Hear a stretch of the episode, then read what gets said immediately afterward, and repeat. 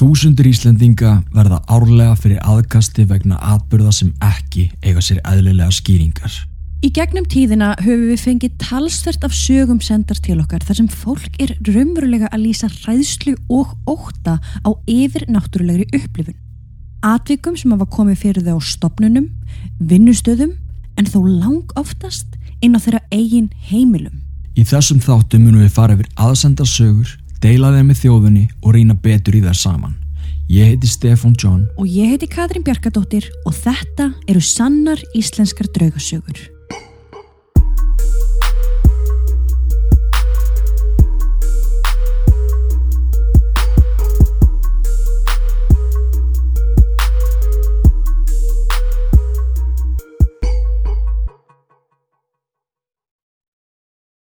Áður en við byrjum er rétt að taka fram að sögurnar sem teknar eru fyrir í þessum þáttum eru ekki í nefni ákveðinni tímaröð sem þar eru sendar okkur, heldur af handahófi. Eftirfarandi sögur eru sannar og koma frá fólki úr öllum stjættum þjófélagsins. Allt eru þetta mismunandi einstaklingar á mismunandi aldri. En allt þetta fólk á það sameigilegt að hafa lendi einhverju yfirnáttúrulegu og það hér á Íslandi.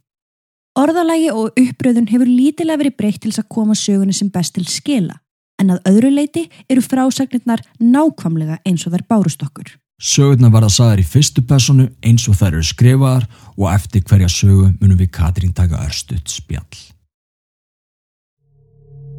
Saga 1. Maðurinn í grænufötunum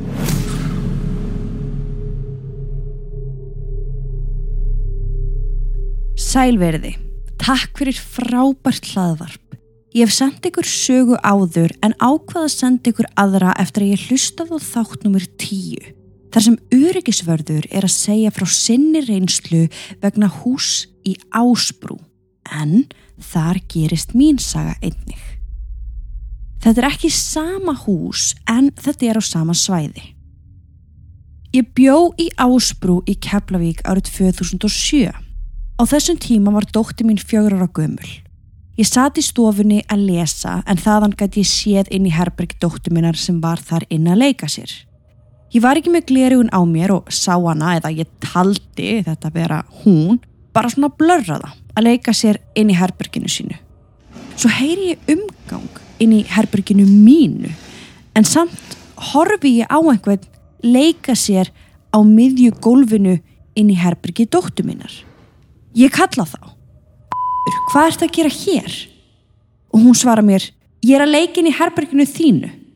Ég kalla tilbaka og minni set upp gleruðu mín og er enn að horfa á einhvern inn í herberginu hennar. Ha, af hverju ertu þar? Og hún svarar, því maðurinn í grænufötunum er svo fyrir mér. Ég stekk upp úr sófanum og horfi beint á mann sem stendur upp af gólfinu og horfir á mig tilbaka. Maðurinn var í hermanabugsum og ból. Ég brjálast, en ég held að einhver hefði komið inn án þess að ég hefði tekið eftir því. Ég ætlaði að henda þessum aðila öfugum út og hleyp að honum, nema hann brosi bara og gengur lengra inn í herbergið hennar. Og þegar ég er komin inn í herbergið, þá var hann horfin. Það var engin leið fyrir hann að komast út nema með því að fara fram hjá mér. Við vorum á þriðju hæð og því ekki sjens fyrir hann að fara út um gluggan. Auk þess var hann lokaður og hann hafði aldrei haft tíma til þess að koma sér þaðan út. Ég leitaði að honum undir rúmi og meiri segin í fataskáp. Maðurinn var bara horfin. Ég spurði dóttu mína hvort þessi maður væri oft að leika inn í herbergi og henni og hún saði já að stundum fær hann í töðan á henni þar sem hann væri svo mikið fyrir sér og hún skildi aldrei hvað hann sagði. Þetta var ekki í seinasta sinn sem ég átti eftir að sjá hann. Stundum sá ég hann ganga um stegagangin og inn til nágranna míns. Stundum gekk hann á eftir mér niður stegan á stegaganginum og fylgdi mér út úr blokkinni. Hann stóð þá stundum á stjættinni fyrir framann blokkina og veifaði til mín rétt aður hann hvarf. Hann var alltaf brosandi og var fyrir ekkar blíðilegur í framann og sagði aldrei neitt um mig. En dótti mín sagði að hann talaði eins og hún orðaði það skrítið. Maðurinn minn sá hann aldrei og varð aldrei var við hann. við maðgurnar einhvern veginn vöndumstónum bara en það fann maður að þetta var góð sál Mér langar að byggja ykkur um að hafa þessa sögu ekki undir nafni og þætti því vænt um nafnlind Og það er bara ekkit mál. Við verðum það og þökkum þér kærlega fyrir að senda okkur þetta. mm -hmm. Gott að heyra að þessi sál hafi gefið góða ströym og frá sér og ekki verið svona til mikill ama. Fyrir þá sem ekki vita, þá var þetta svæði allt frá hannu 1951 gefið heitið Keflavík Naval Air Station sem var í eigu bandaríkjaflota. Og í meirinn hálfa öld byggu þar öllu jafnum 6.000 bandarískir hermenn og fjölskyldur í þeirra eigin lokaða samfélagi með íbúðum, skólum, kvikmyndahúsum, veitingahúsum, skemmtistöðum og fleira. Og Íslenska ríki fær lóðina aftur af bandaríkjamönnum árið 2006 og það var eiginlega ekki fyrir en árið 2009 sem svæði fekk nýtt nafn, Ásbrú. Það er gott í raunin að hafa þessa sögu á bakvið svæðið í huga því hvernig sem litið er á það þá bjó fólkarna og lifði sínu lífi alveg svo við hinn bara hinum með við gerðinguna Mm -hmm. fólk viktist, slasaðist og fólk dó og margir eittu meiri hluta æfisinnar á gamla hersvæðinu við ásbrú og því ekki skrítið að sálir einhverja séu þar eftir í húsunum sem eitt sinn voru heimilið þyrra og svo allt í hennu kemur bara eitthvað fólk og lifir sínu lífi í þessum húsum Einmitt. og ef við pælum í þannig þá er þetta í rauninni ekki það skrítið að við séum kannski að hittast af og til Akkurat, bara einmitt. á öðrum tíma Mm en sko það sem mér fannst samt ótrúlegast við þessa frásögn var það að þú útskýrir svo vel fyrir mér að hann hefði ekki getað komist út úr herberginu nema að fara fram hjá mér hann hefði Já. ekki getað komist út um gluggan veist, hann hefði ekki haft tíma til að fara út um gluggan við erum á þriðjuhæð Mhm. þú veist, ég var búin að sjá hann heil lengi út undan mér áður en ég átti mig að dóttir mín síðan í öðru herbergi Mhm. og þegar þú nærði einhvern veginn að einmitt fatta. allt annað Já, og þú virkilega gera það þú, veist, Mhm. þú virkilega reynir að bara þú veist, halló, það er möguleiki er þetta möguleiki, er þetta möguleiki það segir mér að þú veist, sínin hefur verið svo sterk. Já, þetta er svo ótrúlegt. Einmitt. Síðan brosa og svo ganga burt. já. Og, og tilfinningin er mynd að þú vilji bara þú veist, ég ætla bara að hoppa upp og henda kauð út skilur eins og maður myndi gera. Já, það væri einhver bara innbróðstofur inn í hann eða eitthvað. ég get svo mikið ímynda mér einmitt að vera í þessari stöðu. Sér mann, stendur upp á gólfinu hann horfir á þig. Hann fer og þú bara herðu og svo er hann horfin þetta er svo skrítið já. En þeim maður eru greinlega eitthvað næmar. Því maðurinn sá aldrei að uppleiði neitt. Nei, Og það er mjög algengt. Hvort sem hann sjáu en að gæsa ekki eins vel og þið. Eða hreinlega bara neitt að trúa. Hvort sem er, þá veitir þið hvað þið upplifið og kannski gerið enn. mm að það væri mjög forvöldnilegt að vita hvort einhver byggi þarna núna og væri að upplifa svipaða hluti. Því greinlegt er einmitt að þessi hermaður í grænu fötunum getur farið á milli íbúða, ástegagangin og meira að segja út á stjættina. já og líka hérna að hann sko að hann vingi Já, það segir mér sko ekki það að hann sé bara, hann sé bara þarna eins og residual orka eða endur tekin orka ekki nema hann sé að vinga alltaf í sinni lúpu. Já, já, það getur verið. það gæti alveg verið, en svo geti það verið ef hann er að horfa á þig og hann er að vinga Já, að hann sjáu þig já, það hljómar þannig allan að þú veist augu þeirra mætast þegar að hún stendur hann upp úr sófanum. Já. Hún ætlar að hjóla í hann, Já. hann brosir og gengur burt. Já, líka samt akkur þetta brosa þegar þú finnur einhver alltaf hjól í þig. Þessi saga, ég Já. geti fest sér sögu í allt kvöld. Já, En ég held að, hérna, að við óskum bara endilega eftir fleiri sögum frá Ásbrú. Já, takk. takk enn og aftur og gangi ykkur fjölskyldinu ótrúlega vel.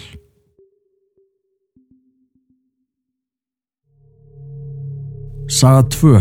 Bróður minn Ljónshjarta.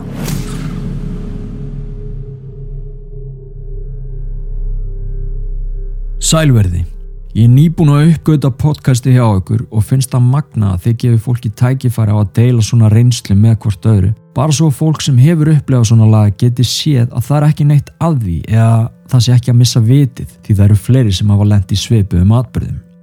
En ég með þrjár sögur sem ég langar að deila en ég vil ekki vera nafngreindur bróðum míns vegna. Og fyrir fram afsökunarbeðinu því ég er ekki góðu penni en reyndi mitt besta. Það er mikið af skegnum í fjölskyldunum minni og ef við byrjum á mér þá er ég bergdreimin. Þegar ég sagði mömmu minni frá draumum mínum sem svo rættust, þó að maður fattaði ekki að þeir voru sannir fyrir hann að gerðist, þá smallaði hausin á manni að maður upplifað þessa upplifun áður nema í gegnum drauma. Eða svoleiðis var það allavega í mínu tilfelli. Þá saði mamma mér sögu af ömmu minni. Afi minn var sjómaður þegar hann var ungur og átti þrjú börn með ömmu minni. Sem sagt við erum með ungt par fyrir um 50 árum sem átti ekki mikið á milli handana en þurfti að halda upp heimili og þreymur börnum.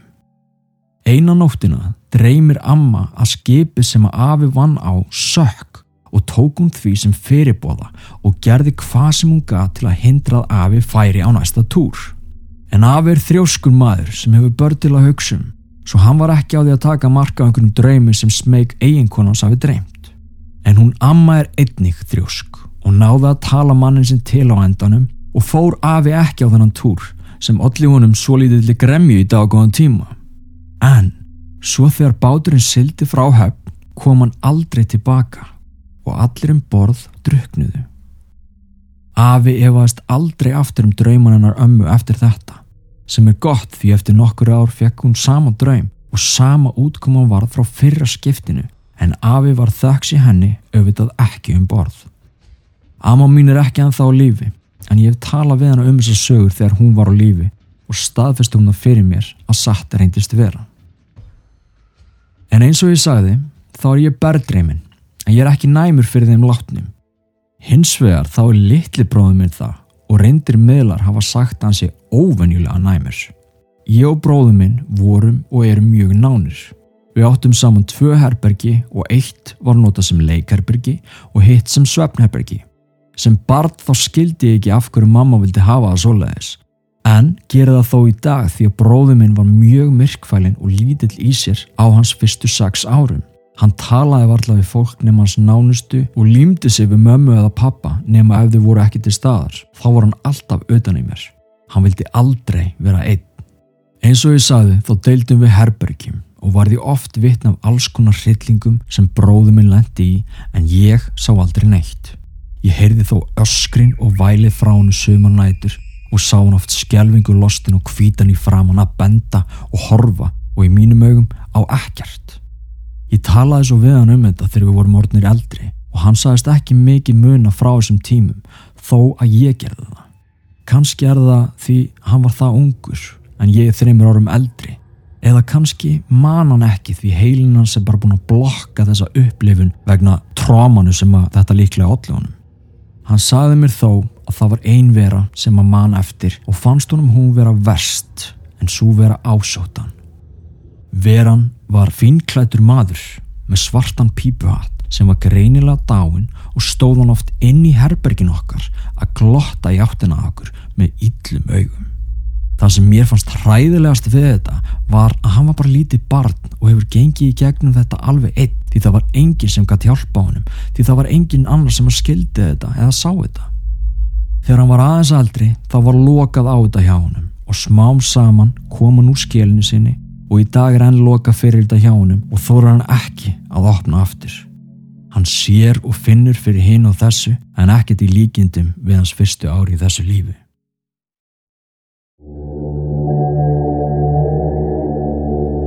Þúsundir Íslendinga verða árlega fyrir aðkasti vegna atbyrða sem ekki eiga sér eðlilega skýringar. Í gegnum tíðina höfum við deilt reynslu þeirra í hlaðverfum okkar. Þar sem fólk er raunverulega að lýsa hræðslu og óta á yfirnáttúrulegri upplifun. Atvikum sem hafa komið fyrir þau á stopnunum, vinnustöðum en þá lang oftast inn á þeirra eigin heimilum. Ég heiti Katrín Björkadóttir og ég sé það sem aðrir sjá ekki. Og ég heiti Stefan John og er paranormala rannsakandi.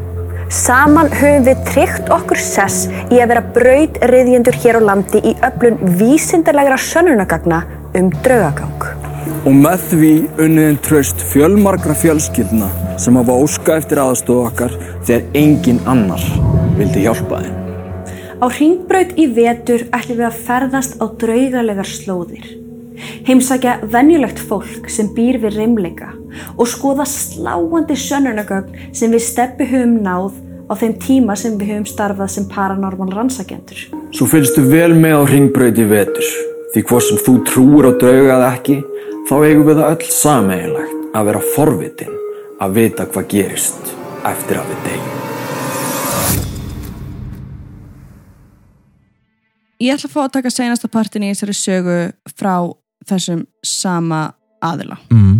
Senasti parturinn er um nokkuð sem ég lendi í en af því að bróði minn er svona næmur þá er hann eins og segull þegar að kemur á draugum og við sem mestur um nálagt honum höfum öll upplifað einhvers konar yfirnáttúrulega atbyrði og þetta er mín hræðilegasta upplifun. Ég var táningur og var andvaka eina nóttina sem gerðist alveg reglulega og fór því oft upp í stofu til þess að horfa á sjómarpið og reyna svo að sopna aftur. Við áttum heima í tveggja hæða einbýlishúsi og var herbergi mitt og bróðu míns niðri og stofan og herbergi fóreldra okkar uppi. Þegar ég var búin að horfa á sjómarpið í svona korter þá ákveð ég að reyna að sopna aftur. Ég veit ekki af hverju en ég ákveða aðtöga með alla fjölskyldu meðlumi. Ég held í dag að ég hafi fundið að það var ekki með feldu. Eftir að hafa aðtöga með fólki mitt og allir voru í fasta svefni fór ég niður í herbergi mitt. Hundurinn okkar sem var stór bokserblendingur eldi mig því hann svaf alltaf inn í herberginu mínu. Hann var mjög blíður hundur en eftir að ég lokaði hurðinni af herberginu mínu byrjaði hundurinn að urra í átt af hurðinni sem var honum mjög ólíkt. Ég opna hurðina og sá ekkert en hundurinn held áfram að urra. Ég sagði á endanum að ég hættu þessu og lokaði hurðinni. En um leið og ég skreið upp í rúm og hendi sænginni yfir mig var barið oft og hratt á hurðina. Og ég meina bókstaflega barið svo mikið að ég held að hurðin myndi fljúa af karminum. Hún hristist svo og riflað gler sem var efst í hurðinni gaf frá sér spakalegan háfaða og hundrun stýpnar ennþá frekar við að horfa á hurðina og er ennþá að urra nema núna var hann fann að sína tennurnar og kampurinn á hann um risin. Hann virtist vera tilbúin í að slást. En þá, allt í einu, hætti bankið.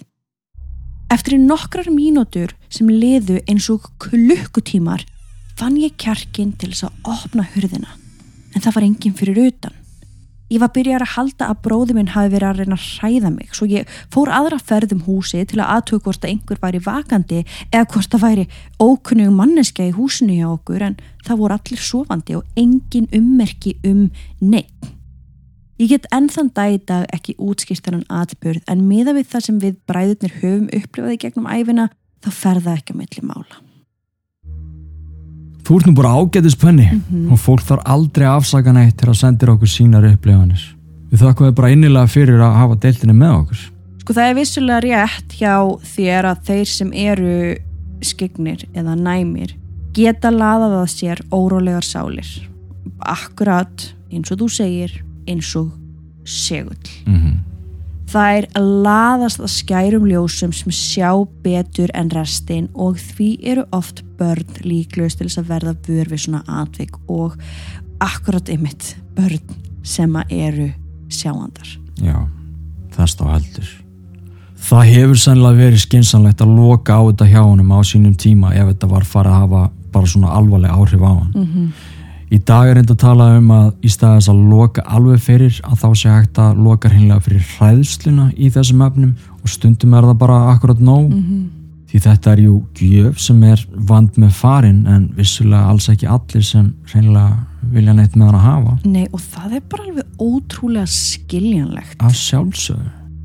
Það er líka fullkomlega eðlilegt að fólk, börn, hver sem er loki fyrir ákveðnar upplifanir sem hafa haft mikil áhrif á fólk Já. og jafnvel valdið þeim skad. Akkurat. Heilin jú getur lokað á og glemt þessum atbyrðum til þess eins að verja einstaklingin. Veit eitthvað sem er til dæmis ekki hægt að útskýra. Þá getur heilin í rauninni útlokað að það hafi nokt tíma gerst. Mm Þetta er ákveðin svona varnarmekanismi heilans til þess að verja manneskuna. Sama ber líka fólk sem hefur lendi í alvarlegu ofbeldi eða álíka. Áfallið eða trámað er svo mikið að hugurinn getur ekki sætt sér við það að það hafi eins og komið fyrir. Nei, Svo getur líka fólk bara sagt að þess að þurfi ekki að ræða atbyrðin eða rifja hann upp. Þetta er allt saman einkennandi merki um áfallastreituröskun eða áfallastreitu einkenni. En mér finnst mögnuð frásögnunum um afaðin og ömmu og eins og ég hef alltaf sagt þá er bara vænlegast að hlýða konunum okkar ef við viljum halda lífi sko. Ég held það líka. En já, það, svo saga náttúrulega svolítið útskýri sig svolítið sjálf. Mm. -hmm. Ömmun er að dreym þetta gott hjá afanum að, að byrja að trúa og treysta. mm. Mér persónulega finnst það rosalega hérna leiðilegt einmitt eins og þú útskýrir með bróðin gæti enginn hjálpa honum, það skildi hann enginn það vissi enginn hvað var í gangi og þessi bróðin þarf að lifa við það að sjá alltaf einhverja mannesku í svefnherbyrginu hjá sér, kvöld eftir kvöld eftir kvöld og greinilega alveg einhverjar típur og nokkrar manneskjur, nokkra anda þá er ég að tala um Mm. eh, en hann talar um þennan þarna mann sem var fínt klættu með pípuhattin að hann hafi verið hrættastu við hann Já, ósátan Já, og þið getið sko rétt svo ímyndað ykkur, börn eru rosalega misjöfn, sum uh, geta séð og ekki fundið fyrir hræðslu mm. Og svo eru önnur sem sjá og verða rosalega hrætt og þetta er bæði fullkomlega eðlileg börn, Mm. annarkort bara ertu hrættur eða þú ert ekki hrættur já, og hann verður svona hryllilega hrættur og mér finnst, ég fæ gæsa húða bara að tala um það mér finnst ekkert batna að verða svona hrætt. Næ skilur og já. það er það sem við viljum líka svo mikið reyna að gera með okkar podcasti og öllu því sem við reynum að gera fyrir fólk að einmitt að hjálpa börnum í svona aðstæðum vegna þess að það er hægt að hjálpa börnum já. í svona aðstæðum. Þetta þarf ekki að vera svona.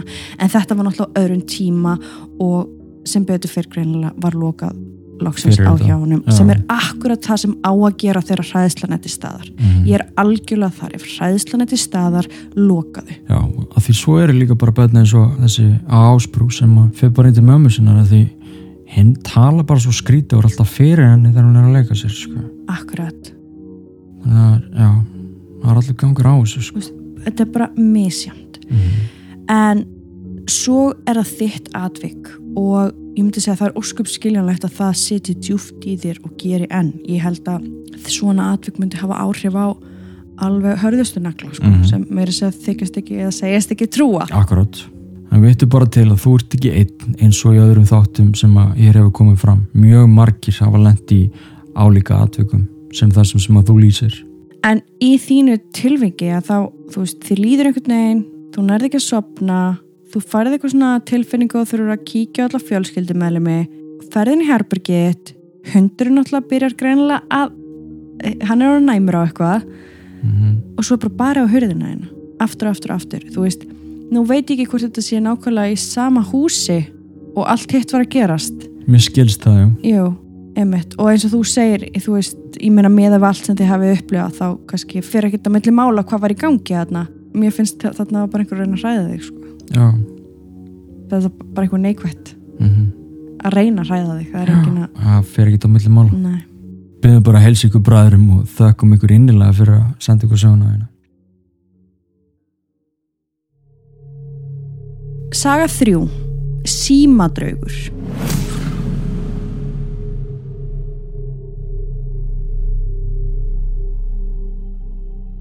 Komiði sæl, takk fyrir ykkar frábæru þætti. Mér langaði að segja ykkur frá atviki sem kom fyrir mig sunnudaginn 27. februar síðastliðin, aðalega af því að þar komið þið við sögu. Ég er ekki næm, held ég, allavega ekki mikið ef hægt er að komast þannig að orði, En það er þó mjög erfitt að koma mér á óvart. Ég einhvern veginn finn alltaf á mér ef eitthvað er að fara að gerast. Eins heyri ég oft hljóð og svona, en það er kannski bara því að ég bý gömlu steiftu húsi frá 1942 og við fjölskyldan erum nokkuð sannfærðum að sá sem byggði húsið komi oft í heimsókn, sjálfsagt bara til þess að kíkja húsið sitt. Allavega, þá er alltaf notalegt andrúmsloft hérna og ef það heyrast undarlega hljóð eða eitthvað þá fylgir því bara góð tilfinning. Svo við erum ekkert að amast út í þessar heimsóknir. En snúum okkur á sunnudeginum. Ég veiktist af COVID á föstudagskvöldið og varð mjög veik. Þar að leiðandi er ég búin að sofa illa og líða hreinlega bölvanlega. Á sunnudagsmorgunin var maður minn komin fram úr og undan mér Ég fór fram og við vorum eitthvað að dúllast fram með eins og gengur og gerist. Ég var þó svo illa sofin að um hátegispilið sagði ég við manni minna ég ætlaði inn í rúm aftur að reyna að sofa meira. Ég sef alltaf með heyrnatóli í eyrunum sem reyndar eru með snúru tengda í síma minn en þau eru svo nett að ég finn ekkert fyrir þeim í eyrunum. Ég hlusta oftast þegar ég fer að sofa og ofta draugasögur podcastið ykkar. Það er svo þægilegt að þegar einn þáttur er búinn þá kemur annar strax og eftir og þar sem þessi þættir eru bara svo góðir þá er svo þægilegt að þurfi ekki að kveikja á næsta þætti og láta bara rúla. Jæja, ég skal reyna að halda mig við efnið. Ég sem sé fer inn í herbergi og set heyrnatólin í eirun og tengi við síman. Stilli á þátt með ykkur og kúri myndi sæng. Ekki gekk neitt að sopna út af hita og verkjum í skroknum en sögurnar ykkar fóru svo spennandi að mér leið bara sæmilega þarna undir sænginni. Ég var búin að hlusta á svona tvo þætti og svo þriði var nýbyrjaður þegar það slöknar allt í einu á þættinum. Ég leit á síman og sá þá að hljóðið hafði bara lækkað alveg niður. Þetta fannst mér skrítið þar sem ég er með svona plasthulstur á símanum og það þarf að íta frekar fast á takkan til þess að hækka og lækka.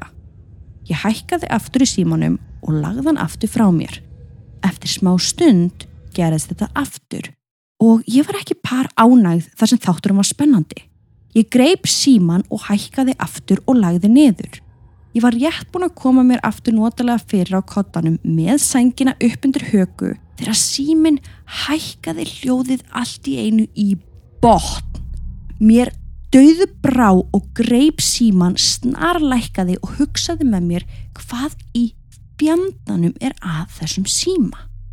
Ég hjælt á símanum og fyldist núna með skjánum.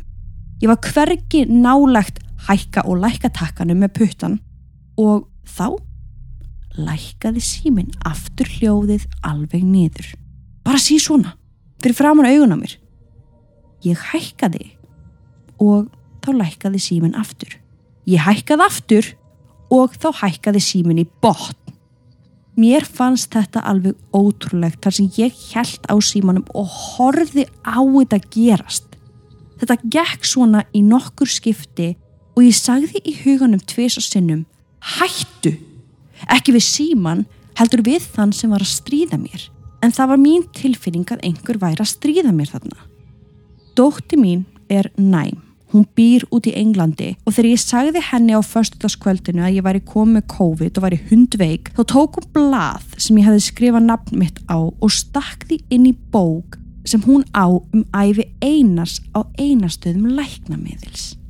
Ég sagði við hana þegar hún sagði mér þetta að þarna hefði einar á einarstöðum öruglega komið að líta á mig og það hefði laumast einhver rekja lómur með honum til að fá mig til þess að brosa gegnum sótthittan og það var einmitt það sem ég gerði. Ég hafði nætt gaman að þessu.